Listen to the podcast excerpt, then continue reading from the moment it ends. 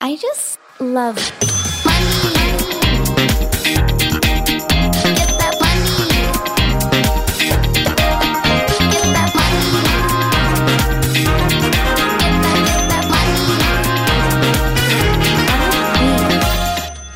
Hjertelig velkommen til en ny episode av Karrierekvinner. Målet mitt med denne podkasten er å inspirere og motivere dere lyttere til å følge drømmene deres. Og I dag så har jeg med meg en veldig veldig spesiell gjest, i hvert fall for meg. Eh, hun har hatt stor betydning for meg og min personlige reise, og jeg tror at hun kommer til å gi dere, eller jeg vet at hun kommer til å gi dere veldig masse positivt påfyll. Denne dama her har en veldig spennende historie som hun skal få, lov til å fortelle mer om. Hun er tidligere profesjonell snowboardkjører og utdannet arkitekt, men jobber i dag som klarsynt. Så gjesten min i dag det er selvfølgelig verdens beste Kari Oppsal. Hei, Anette. Hei. Åh. Hjertelig velkommen til oss. Tusen takk. Så hyggelig å være her.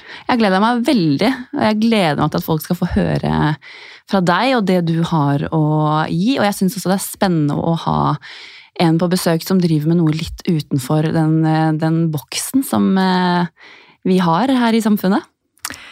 Ja, ja, takk. Det er så hyggelig å være her. Og det er jo klarsynt, ja. Altså, det er jo litt utenom det vanlige. Og jeg har vært gjennom en reise, da.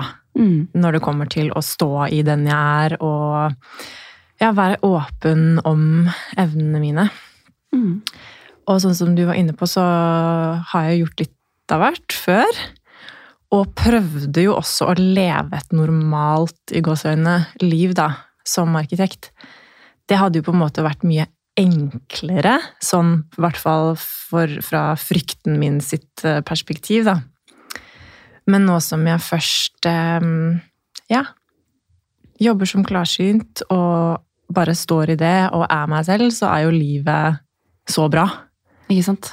Det er jo en frihetsfølelse å bare være seg sjæl. Mm. Mm. Det er jo det, og det er det jeg ønsker at vi skal inspirere de som lytter, og tørre å være den de er, uansett hvem det, hvem det måtte være. da. Eh, så, ja, men jeg har liksom lyst til å Vi må, kan ikke liksom hoppe så fort eh, videre. Jeg vil høre litt mer om bakgrunnen din og historien din, og hvordan du da går fra å drive med snowboard, være arkitekt, og til å faktisk tørre da, å være den du sier at du er. da. Sånn Som ung så var jeg veldig sensitiv. Og det er jeg jo fortsatt. Det var bare det at jeg ikke skjønte at sensitiviteten min eh, faktisk også var mine klarsynte evner. Så som 16-åring så signerte jeg min første proffkontrakt eh, som snowboardkjører, og så begynte jeg å reise rundt i hele verden og konkurrere. Og da, ikke sant, på reise med landslag og rekruttlandslag, så var jeg oppe oppi folk hele tiden. Sov mm. sjelden på alenerom og ja, var sammen med gjengen hele tiden. Og da var jeg veldig usikker. Fordi jeg tok inn så mye fra andre. Jeg visste hva andre som følte og tenkte, men så sa de ofte noe helt annet, og så ble jeg så forvirret. Så jeg tok jo på en måte alt som at det var noe feil med meg, da. Ja. Så jeg var så sensitiv at, eh, og så usikker, og så skadet jeg meg også veldig mye.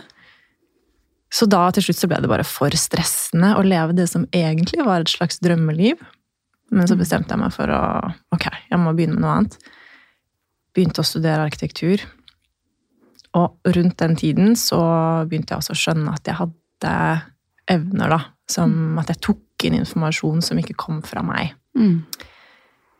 Men eh, ja, hva gjør man med det, liksom? ja, de fleste hadde jo sikkert bare stått i det. Ja. Mm. Og jeg prøvde jo ikke å forholde meg til det, da. Så mm. det, jeg var jo bare kjempetravel på arkitektstudiene. Det er jo et ganske tøft studie. Så jeg druknet meg selv egentlig bare i det, og visste heller ikke hva annet jeg skulle finne på. Så selv om jeg merket at jeg egentlig var på feil sted, så kunne jeg jo ikke bare droppe ut, da. Så nei, jeg bare sto i det, og ble utbrent mange ganger, og kroppen sa fra, og jeg følte at jeg ikke fikk brukt meg selv på riktig måte. Og samtidig som at evnene mine kom på en måte opp igjen, og jeg ble minnet på minnet på evnene mine gang på gang på gang. Og ja, til slutt så ble det umulig å la være å bruke dem, da. Men jeg kom meg gjennom hele arkitektstudiet, og eh, helt, helt, helt på slutten så var jeg sånn Ok, jeg burde jo hjelpe mennesker. Så etter en time hos en coach så tenkte jeg sånn Dette kan jeg også gjøre. Mm. Så da, med en gang jeg hadde diplomen i hånda på Arkitekthøgskolen, så sendte jeg mail til alle studentene der og skrev sånn Hei, jeg er coach. jeg kan hjelpe dere med stressmestring. Eh, Det elsker jeg. Ja. Og hvordan, og hvordan liksom, for det, det må jo være noe i deg som på en måte tør å stå så støtt i, i deg selv, da. Altså, jeg tror jeg bare var møkkalei av å Jeg så mørkt på å skulle jobbe hele karrieren som arkitekt. Jeg måtte finne på noe. Jeg måtte gjøre noe. Mm. Og eh, jeg er noe ganske sånn gutsy, det tror jeg jeg har med meg fra snowboardkjøring og sånn. Mm. Så jeg kaster meg ut i ting, men det betyr ikke at jeg nødvendigvis står støtt i meg selv. Nei. Jeg bare har en sånn gutsy greie. Mm. Kjøre på. Og så må jeg møte all usikkerheten og uh, angsten som det fører med seg. Da. Men um, Så jeg begynte å liksom, jobbe som coach, da. Og så litt etter litt etter litt så begynte jeg å bruke evnene mine sånn på ordentlig, som klarsynt, uh, med kundene mine. Og da skjønte jeg at um, det var det jeg måtte gjøre. Å sitte og coache stressmestring var på en måte Effekten av det var så mye mindre enn det å lese andre, da, Mm. var. Så når jeg leser andre, så tuner jeg meg inn på energifeltet deres, og så får jeg gjennom masse informasjon. Bilder, følelser, ord, setninger. Jeg tar bare rett og slett inn en hel haug av informasjon som jeg snakker ut til folk, da. Ja. Så, og da kommer, det jo, da kommer vi jo dypt inn i eh, materien, da. Og du har jo opplevd det her selv, Anette. Mm. Det, egentlig, det kan jeg godt dele litt om, for jeg kom jo ved en hel tilfeldighet over deg på Instagram, men det var altså tilfeldighet er sikkert ikke en tilfeldighet, fordi det var en periode, det er to og et halvt år siden, og da var jeg skikkelig lost i livet. Jeg hadde akkurat blitt da trebarnsmor, og var, jeg visste at jeg drev med noe jeg egentlig ikke skulle gjøre, og jeg bare hadde en sånn, jeg var så tom, og var litt sånn, åh, hvem, jeg har snakket litt om det før i podcasten, sånn, jeg hadde en sånn identitetskrise, for jeg visste nesten ikke lenger hvem jeg var. Og så anser jeg meg selv som Jeg har alltid vært et åpent menneske. Som er veldig sånn åpen for nye erfaringer og møte nye mennesker. og liksom var ja, åpen for mye. Men jeg jo kjente at det var en, faktisk en terskel for meg å kontakte deg. For jeg syns det var altså eh, Selv om jeg er såpass åpen som jeg er, så syns jeg at ordet klarsynt for meg det er liksom en sånn Det er litt sånn skummelt eh, ord, på en måte.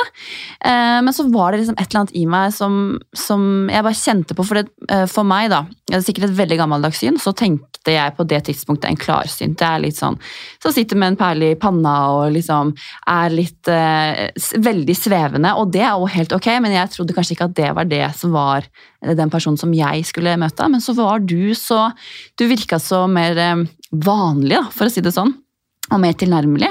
Så jeg tok jo kontakt med deg, og så hadde vi jo den første samtalen. Og det var bare en sånn Det er veldig vanskelig å beskrive det uten at man har opplevd det selv, men for meg så var det en helt sånn livsendrende samtale. Jeg følte at den timen, den bare det kunne, Jeg tror det liksom, kunne vært 100 psykologtimer, da på den timen. For det egentlig så bekrefta jo du for meg bare alt jeg egentlig visste dypt inni meg selv, men som jeg ikke hadde turt å leve ut. Jeg husker annet at jeg sa til deg at For du spurte meg hva er det som gjør at du glemmer tid og sted, hva elsker du? Jeg elsker skjønnhet, jeg elsker mote, sa jeg da. Eh, Men jeg, jeg føler at det er så overfladisk, og at jeg bare er en av veldig mange som ønsker det, og at det er så mange om det beinet.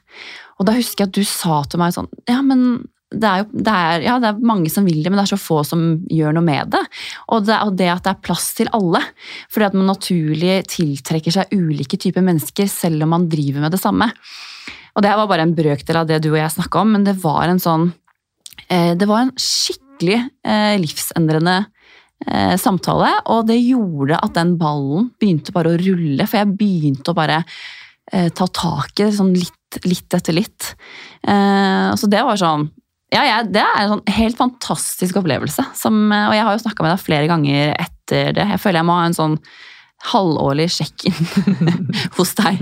For å for i i det minste få en bekreftelse på at jeg eh, er der jeg, der jeg skal være, da. Åh, så nydelig, Anette. Jeg får gåsehud av å Ja. høre deg prate. og Jeg husker den samtalen veldig godt. Mm. Og jeg tror det er så mange som tenker at om det, er så, det er så mange andre som, som gjør det, og det er ikke noe plass til meg.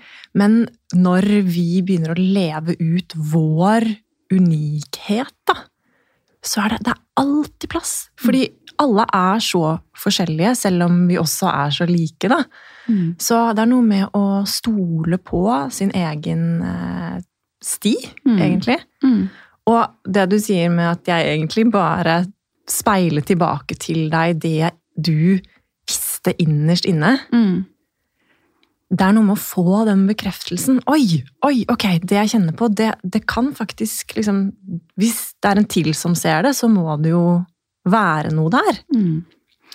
Og ja, det var, det var det som var så rart, for du bekrefta det jeg egentlig visste, men så var det ting du sa og som bare altså Jeg blir nesten sånn emosjonell av å snakke om det, fordi det bare traff meg så inn i eh, hjerterota, og jeg ønsker at så mange skal få oppleve det. da.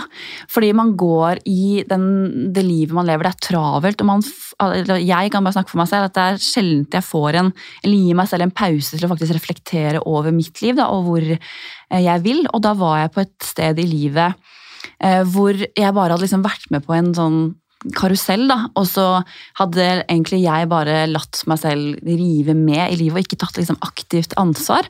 Og jeg skal være så ærlig å si at jeg har gått mange år og vært på ulike arbeidsplasser, hatt gode jobber og hatt fantastiske kollegaer, men jeg har følt meg veldig mislykka på de arbeidsplassene, for jeg har lurt på hvorfor jeg ikke klarer å finne eh, roa, og hvorfor jeg ikke elsker å drive med det alle rundt meg elsker, og har gått og lurt på hva er det egentlig jeg er, eh, hva er det egentlig jeg er god på?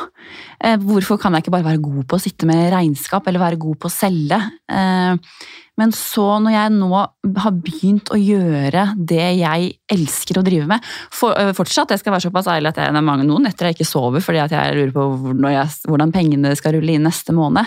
Men i det minste så elsker jeg det jeg driver med, og jeg har en sånn tro på, da, ved hjelp av deg, på at ehm, når jeg gjør det jeg elsker, så kommer flere, jeg kommer til å tiltrekke meg mer av det som skal være for meg. da. For mange kan det nok høres svevende ut, men jeg har en sånn ordentlig tro på det, fordi at det, du åpna den døra for meg. da. Yes. Mm. Og det er så nydelig, for alt det du snakker om nå, du snakker jo egentlig om det å finne sitt eh, livsformål, da. Mm. Og jeg tror intuisjonen vår er med på å måtte vinke oss mot livsformålet vårt. Mm. Og så har vi alle noen egenskaper som vi selv ofte tar så for gitt. da. At vi ser, det nest, vi ser dem nesten ikke selv engang. Og sånn har det vært med mine evner også. Sånn sensitiviteten min, som jeg syns var en stor ulempe da jeg studerte arkitektur. Og jeg var også sånn Hvorfor kan ikke jeg bare takle alt det som alle de andre takler? Og hva Mm. er det med meg, liksom? Og det er en vond følelse å sitte med. Kjempevond følelse. Mm. Og så viser det seg jo at dette er jo Sensitiviteten min er jo min eh, superkraft, sant? Mm. Som jeg lever av nå, som jeg tjener penger på. Mm. Og det er jo det samme med deg. Eh, Sminke, eh, mote, ikke sant? Hele den verden der. Det kommer så lett for deg. Mm.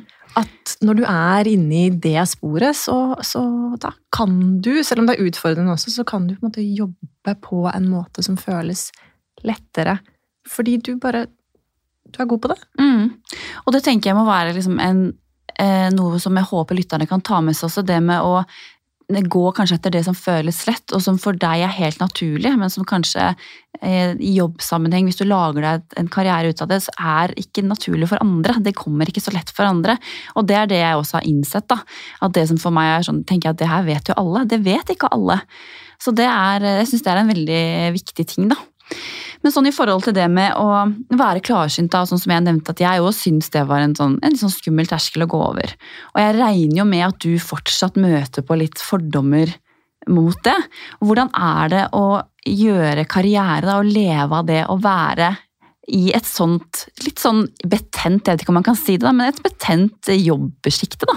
Yes. Mm. Så jeg har jo villet hele livet mitt at alle skal like meg. Det har vært det jeg har ja, Det har vært mitt største mål, både altså, I hvert fall ubevisst, sant. Og med øh, evnene mine også, så har jeg alltid visst hva jeg har måttet gjøre for å tilpasse meg, sånn at andre skal like meg. Så å være klarsynt, bare ved å si det høyt, så risikerer jeg jo at det er mange som ikke respekterer det jeg holder på med, eller tror på det jeg holder på med, eller, eller ja, syns noe om det i det hele tatt. Da. Så bare det å si at jeg jobber som klarsynt, er en sånn power move for meg selv. Fordi ved å si det, så risikerer jeg nettopp å ikke bli likt. Og det, i det ligger det befriende for meg, da. Og jeg skjønner hva du mener med at klarsynt Det høres jo veldig intenst ut, da. Jeg kunne jo kalt meg noe annet. Jeg kunne kalt meg intuitive coach. Jeg kunne kalt meg ehm, ja, et eller annet annet. Men når alt kommer til alt, så er jeg jo klarsynt. Mm. Synsk kunne jeg også kalt meg. Det er kanskje enda litt mer sånn intenst. Ja, ja. Eller medium. Mm. Alle disse ordene går jo egentlig litt sånn over i hverandre. Mm. Men så for meg da, så har det å kalle seg klarsynt blitt en sånn uh, eh, JF-greie. For det har jeg rett i at tidligere så sto det intuitive yes. coach. Mm. For det hadde jeg også lyst til å spørre deg om, er det liksom en del av den reisen din med å bare å tørre å liksom stå i det? Mm. mm. Absolutt. Og intuitive coach, ja, men det, det, er jo ok, det kan stemme, men hva er egentlig det? Mm. Klarsynt sånn, å ja, ok, men det skjønner man hva er, selv mm. om det virker kanskje litt skremmende, da. Så um, når jeg er på fest eller møter nye folk, så er det jo alltid de som blir kjempeinteressert mm. når jeg forteller hva jeg driver med, og alltid de som smiler litt stivt og ja. begynner å prate med noen andre. Men, Opplever du ofte at du må liksom forsvare deg, eller gidder du ikke å gå inn i det? Jeg opplever at uh, folk ikke sier mye direkte negativt til meg i det hele tatt. Og, ja. Men jeg vet jo at folk tviler og kan synes at det er rart, men det er veldig få som sier noe, mm. egentlig. Mm. Kanskje de snakker seg imellom, men det ja, hører jo ikke jeg, liksom. Så det er greit. Ja, og folk snakker uansett hva man, ja, ja. Hva man gjør. Nettopp. Så, men hvordan har det vært for liksom, de nærmeste rundt deg, da? Hvordan var det for de når du valgte å gå den veien som du går nå? Helt ærlig så tror jeg at uh, pappa syns det er litt rart og litt um, Ja, jeg vet ikke om jeg skal si vanskelig, men jeg føler at han unngår uh, temaet, uh, for å være helt ærlig. Uh, broren min uh, skjønner jo egentlig ikke helt hva jeg driver med, han heller, men han er i hvert fall på en måte støttende, og pappa er støttende, han òg. Men mm. Pappa kommer fra bibelbeltet på Sørlandet, og, mm. nei, på Vestlandet og har um, tatt sterk avstand da, til alt som ikke kan forklares eller uh, beskrives, liksom. Ja. Så um, Nei, han skjønner nok ikke helt hva jeg holder på med. Mamma er kjempestøttende, og hun blir også egentlig bare mer og mer spirituell sammen med stefaren min. Ja. Ja. Så um, da mamma sa for en, ja, et år tilbake, eller noe sånt, så sa hun ja, Kari, det som er koselig, er at når jeg ikke lever lenger, da kan vi fortsatt kommunisere. Så var jeg sånn yes! jeg ble helt rørt av det. Ja. Det er jo helt fantastisk. Men jeg var så redd for hva familien min kom til å, til å um, si, altså. Mm. Og hvordan er det for deg nå når du da merker at uh, en del av dem er, er, er skeptiske, da? Hvordan, hva gjør det med deg nå, selv om du står trygt i det? Hva gjør det med deg? Da jeg bestemte meg for å bare være ærlig og åpen om hvem jeg er, så tok jeg også et valg om å ta alle andre ut av regnestykket. Så jeg tok et valg, altså før jeg kom ut av det spirituelle skapet til familien min, så tok jeg et valg om å bare sånn Ok, men uansett hva de sier, så er dette veien for meg. Fordi det, jeg kan ikke ta noen annen vei. Det føles liksom Det føles ut som at jeg nesten bare må. Eller at det er dette jeg er ment til å gjøre, da. Mm. Så da bestemte jeg meg for å bare, ja, ikke bry meg. Det er kanskje litt feil, fordi jeg gjør jo det òg, men jeg, jeg, kunne i hvert fall ikke la meg påvirke eh, av mine nærmeste. Så det var også en øvelse i seg selv, da. Å bare Ja, å komme til det og stå støtt i meg selv, da. Ok. Mm.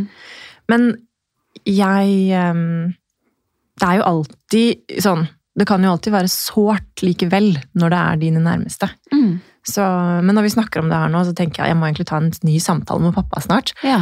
Snakke litt om det. Mm. Um, ja. Men um, det er ikke sånn at han på en måte er negativ. Det er vel kanskje mer sånn at det bare er mest komfortabelt for begge to å unngå temaet. Ja, ja.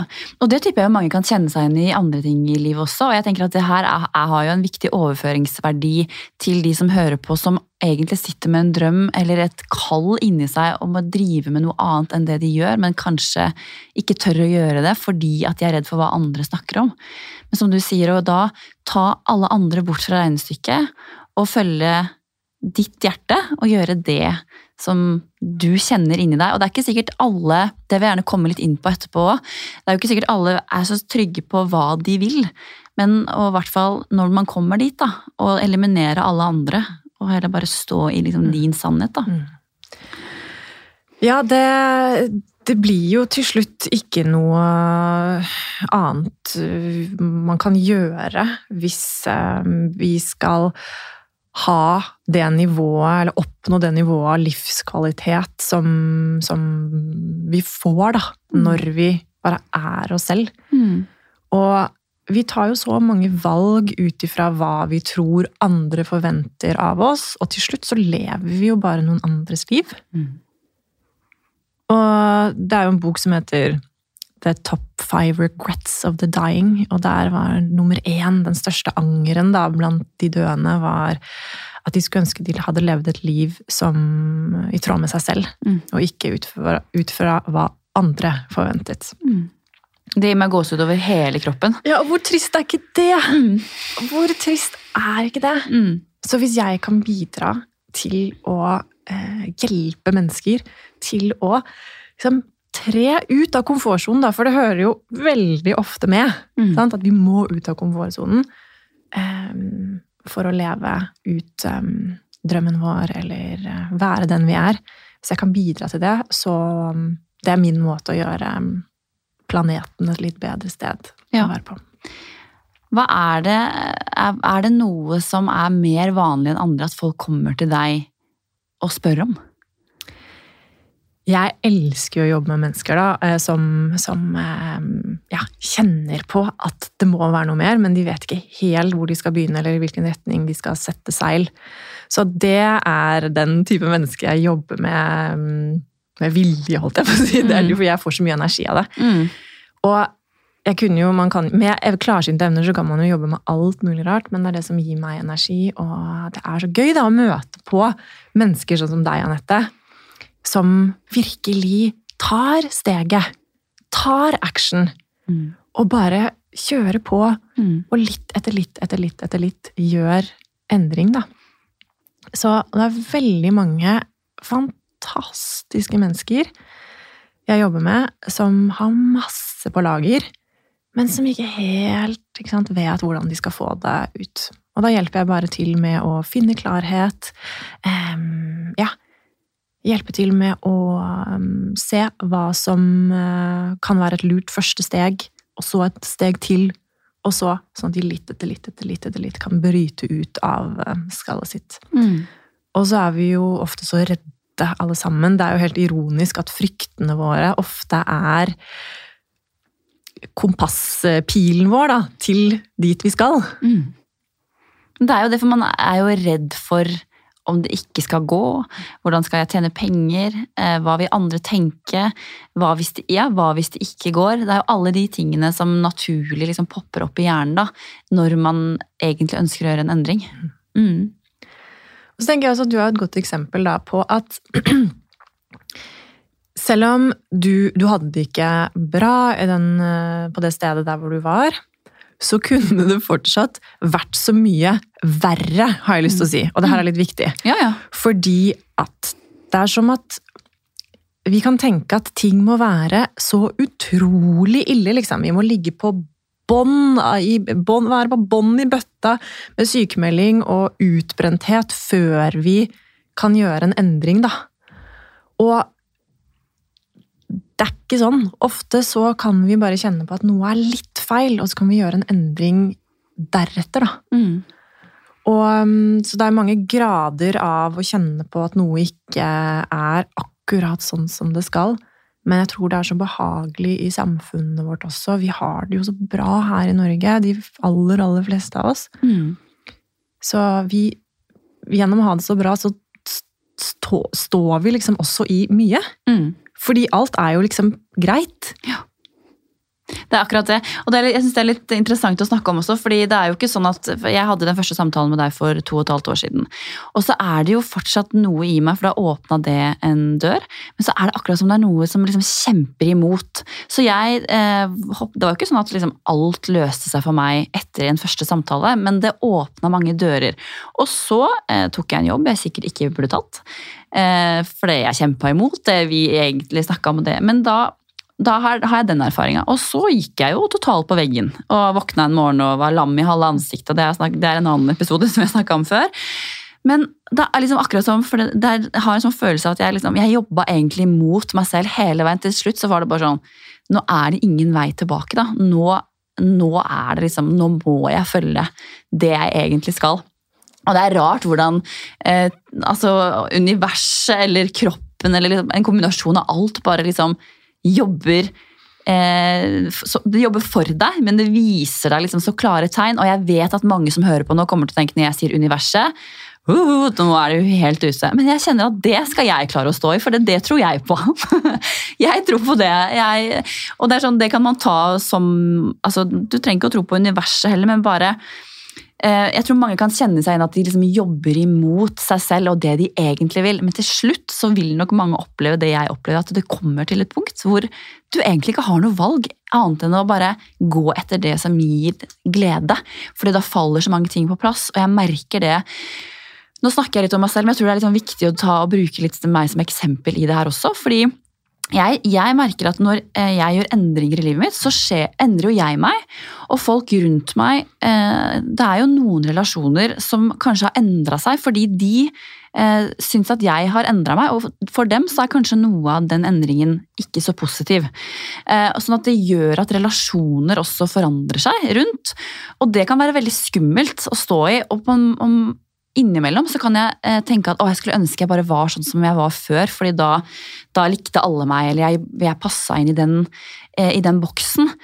Og hva er liksom ditt råd til eh, de som er redde for den endringen og hva det skal liksom gjøre med livet? da? Har Du noen gode, du har jo vært litt inne på det, men har du noen gode råd til hvordan man kan eh, jeg vet ikke helt hvordan jeg skal formulere det, men hvordan man kan liksom eh, koble seg litt mer på seg selv og kjenne liksom hva er det jeg vil? Ja, jeg, jeg, tror det er veldig viktig poeng det du tar opp med relasjoner. da. At når vi vokser, så risikerer vi også å vokse fra relasjonene våre, eller at vi tar um, en annen retning, da.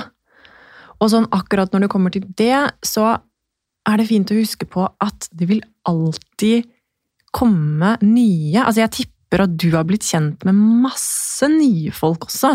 Veldig, som, og det er helt merkelig. Ja, Som du viber kjempebra med, da. Mm. Så det er noe med å bare stole på den prosessen, at sånn, jo mer vi er oss selv, jo flere likesinnede mennesker vil vi møte. Mm. Jeg trodde jo at jeg ikke kom til å få nye, flere nye venner etter liksom, studietiden. At jeg tenkte ja, dette er de vennene jeg har, og de, er, liksom, de må jeg ha resten av livet. Det stemmer jo ikke i det hele tatt. Så det er én ting. Hjernen vår Det er jo tryggere for hjernen vår å holde fast i det som vi allerede har. Det ukjente er jo ukjent og skumlere.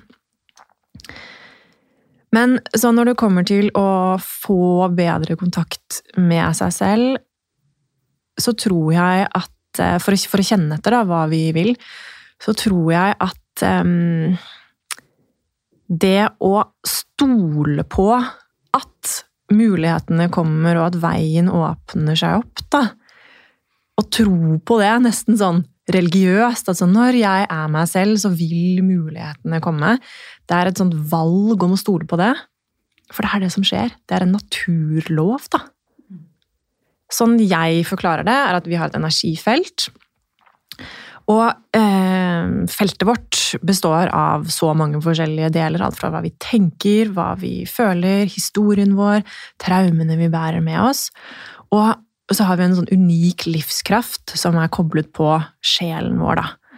Og den unike livskraften, den har én spesiell måte å være på, og den har noen unike talenter, interesser Den eh, Ja, den henger sammen med det vi elsker å gjøre, det vi syns er gøy. Så det er på en måte hintene våre, da, for å finne den.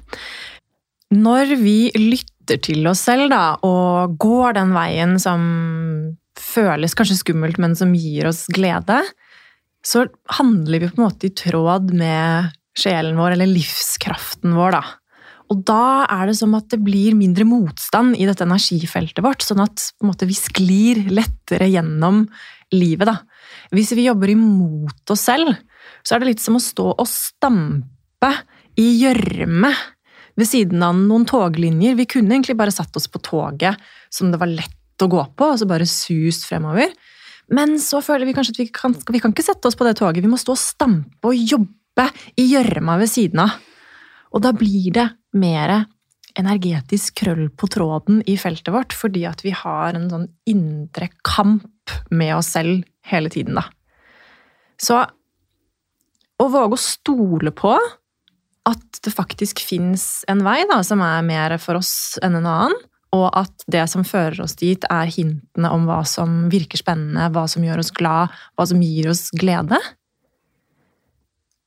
Det er en sånn um, Det er en snarvei da, inn til å våge å stole på seg selv. Og jeg, jeg, finner så mye sånn Jeg kjenner jeg får sånn Selv om jeg har hørt du si det mange ganger, så blir jeg lett det er en lettelse og nesten en sånn der Går det an å ha det sånn? Fordi det med å følge gleden, det har jeg Det vet jeg at veldig mange av mine venner, og også, også de som har hørt på den podkasten, det er på en måte blitt mitt mantra. At jeg skal gå etter glede, og det som gjør at jeg føler at jeg har det gøy nesten sånn at jeg vil noen ganger tenke at jeg skal liksom leke meg litt gjennom, uh, gjennom livet. Og det er veldig eh, På vei hit så at jeg snakka lenge med en av mine nærmeste venninner i, i, telefonen mens jeg kjører bil og har, har, tid til det. Og da er det sånn, for da snakka vi om at uh, uten å utlevere henne, hun er i en jobb hvor hun jobber masse, masse, masse. masse, Og det er det du sier, altså jobber seg jo halvt i hjel. Det her er mine ord. Men det at man man trenger ikke det. Du trenger ikke å føle at du må jobbe liksom natt og dag. I perioder gjør man jo det hvis man jobber mot deadlines eller store prosjekter. Men det er noe med det å kunne jobbe liksom smartere, og at man faktisk føler at det er lett, at det nesten er for lett i perioder. Det er jo sånn jeg kan kjenne på noen ganger nå. at jeg bare, Hvordan kan jeg få penger for det her? Hvordan, jeg, hvordan går det an at noen betaler meg for det her? Fordi jeg koser meg, koser meg så ekstremt mye med det. da. Yes. Og det tror jeg er en sånn Og det, det merker jeg òg med mine foreldre, da, at det er gener, en generasjonssperre der. For det, der føler jeg at den generasjonen Der er, liksom, der er man oppdratt til at det skal være litt hardt liv. Det skal være litt røft og hardt, og du skal stå i det, og du må jobbe på jobben. Det skal ikke bare være gøy, det skal være hardt.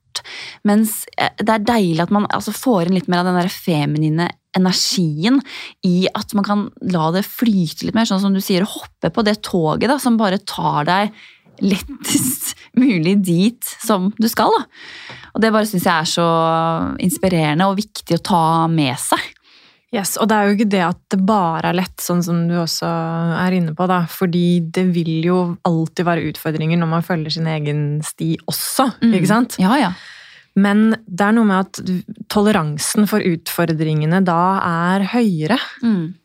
Da kan vi ta det lettere når eh, Ja, når vi føler at det vi gjør, gir mening og er riktig. Da, da får mm. vi mer energi.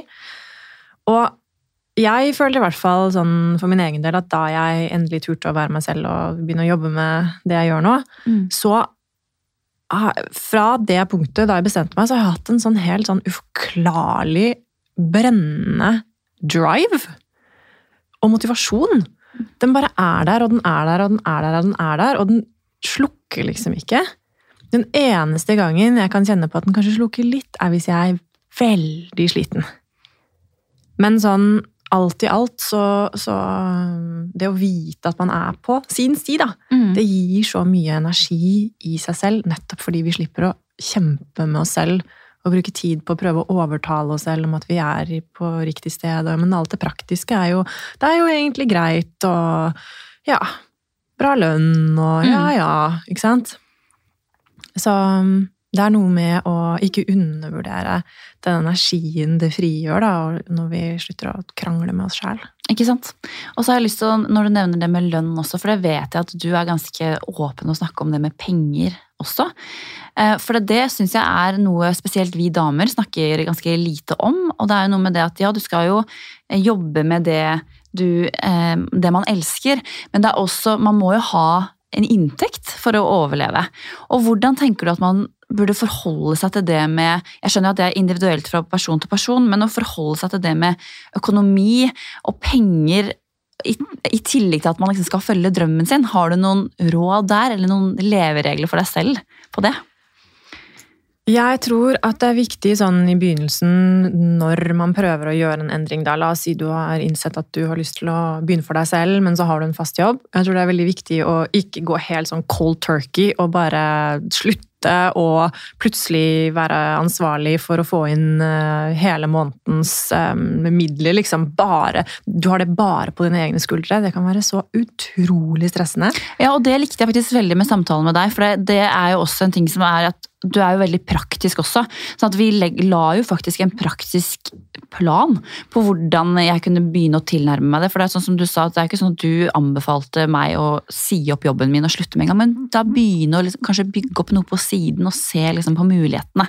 Så det tror jeg er en viktig greie, sånn at ikke vi sitter her nå og anbefaler folk til å si opp jobben og Absolutt ikke. Ja. Mm. For det kan være så utrolig stressende, og vi har jo et nervesystem på en kropp liksom, som vi trenger å ta hensyn til. Og Mm. sånn for min egen del i hvert fall, så har det vært noe faktisk befriende med å innse at å ha penger nok til å dekke utgiftene mine, det skaper så mye trygghet at det står høyt på prioriteringslista. Da. Jeg prøvde å gå cold turkey. Det var så stressende. Jeg brukte opp så mange sparepenger, og til slutt så krøp jeg til korset igjen og begynte å jobbe litt på arkitektkontor. Da. Mm. Og så først da jeg følte at jeg faktisk tapte penger de dagene i uka jeg var på arkitektkontoret, Mm. at jeg tjente mer av å gjøre min egen greie, og jeg hadde nok em, forespørsler til å begynne å bytte ut enda flere dager i uka, Mm. da begynte jeg å trappe ned, og så sluttet jeg til slutt. Jeg gjorde det ikke før jeg visste at jeg var på en måte trygg. Det fascinerende med penger er jo at uansett hva slags nivå av em, ja, inntekt, eller hva slags, ja, hva slags nivå vi ligger på, hva slags summer vi er vant til å forholde oss til, så kan vi ha de samme fryktene og de samme ubehagelige følelsene, enten vi er vant til å ha inn 30 000 i måneden eller 100 000 i måneden. Den følelsen av å ikke ha nok kan sitte igjen, da.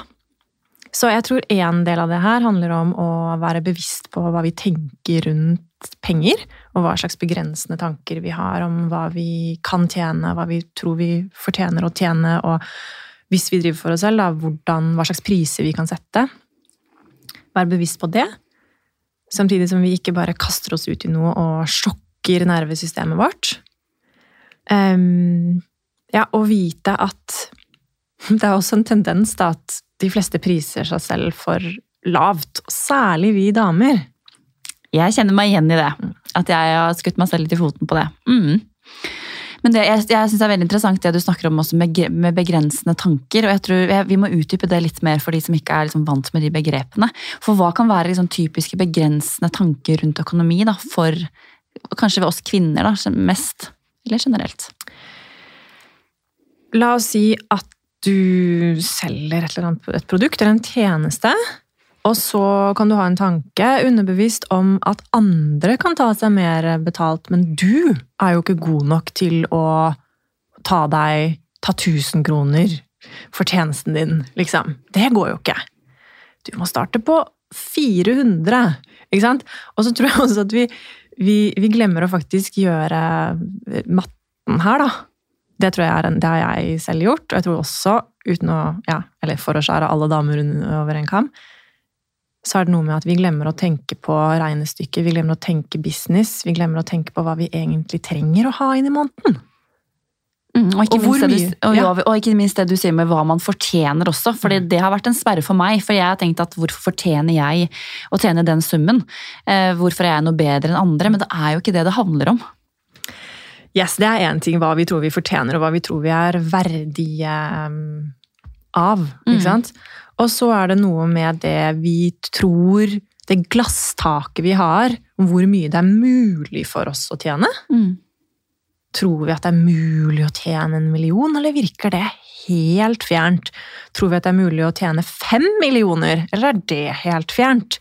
Så å gjenkjenne, lokalisere glasstaket sitt, er også ganske interessant.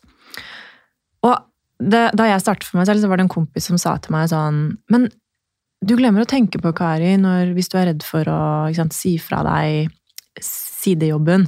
Du glemmer å tenke på at når du jobber for deg selv, så er det ikke noe tak på hvor mye du kan tjene. Så på lang sikt så er det større sjanse for å tjene gode penger på å drive for seg selv, da. Det glemmer vi å tenke på. Mm. Så, men det krever litt sånn eh, guts, og jeg tror vi fader heller, ass. Vi må lære litt av menn. Jeg spør, ja, jeg spør ofte kompisene mine om, om råd. Ja, i hvert fall i forhold til de begrensende tankene. Det føler jeg, det kan hende at noen blir støtt at man sier det, men jeg føler at vi kvinner er liksom mestere i å være vår egen største fiende ofte, da, og, og være redd for å ta for mye plass. Da. Og det, det håper jeg at vi kan inspirere de som hører på her. Og jeg vet at det er så mange som kommer til å bli så inspirert av den samtalen her. Jeg bare syns at du er jeg syns du er så inspirerende og så flink, og jeg håper at mange Jeg vet at du har ikke så mye kapasitet, men jeg håper at, eh, at flere tar kontakt med deg, for jeg tror det kan være en kjempefin opplevelse for veldig mange. Så vi må snart avslutte, men helt til slutt så vil jeg gjerne spørre deg om om du har Det her har du ikke måttet fått forberedt på forhånd, men har du liksom tre tips til de som hører på nå? Når de skrur av den podkasten her, hva er liksom tre ting de kan gjøre for å realisere seg selv i en større grad, eller begynne sin egen reise? Nummer én våge å tro på at det er plass til Det er plass til deg i samfunnet. Og våge å tro at du har noen egenskaper som sannsynligvis kommer lett for deg, og som andre kan ha nytte og glede av. Nummer to begynne å ta små museskritt i den retningen som hjertet kaller deg, og gjerne få inn litt hjelp på veien, fordi det er så mange av oss som ikke ser oss selv. Vi ser ikke alt det gode vi har i oss. Nummer tre stå i det. Jeg syns det er en, en god avslutning. Stå i det! Men seriøst, det, blir, det er så ukomfortabelt å gå ut av komfortsonen. Og alle som noensinne har gjort en endring i livet, eller bygget opp noe selv, eller lagd kunst, eller sluppet en låt, eller tilbudt en tjeneste Alle har vært gjennom det ukomfortable. Mm. Det er ikke sånn at vi kan sitte og vente på at vi skal bli klare. Det er eksponeringsterapi å komme ut av skallet sitt. Mm. Og alle som er litt lenger frem eh, på reisen sin, kan kjenne seg igjen i det du går igjennom, da. Mm. Så um, det er så menneskelig å være i frykten, men eh, så er det så frigjørende å komme seg litt og litt over på den andre siden. Ja, jeg er så enig. Så dere som sitter og hører på nå, ikke vent til dere er klare, men bare begynn å eksponere dere litt etter litt. Så vil dere kjenne etter hvert, jeg er helt sikker på, en sånn deilig frihet. Men Kari, de som har lyst til å vite mer om eh, deg, da, hvor finner, hvor finner lytterne deg? Jeg er på Instagram, Kari Oppsal, og på karioppsal.com. Ja, Så da kan dere gå inn og kikke. Ja, det er veldig hyggelig.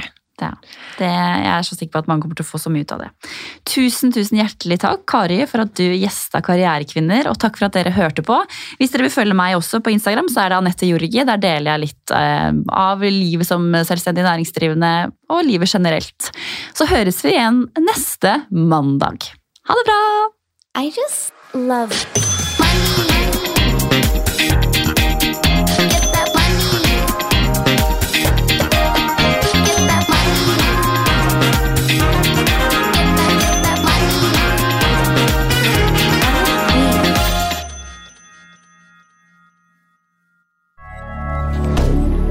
Moderne media.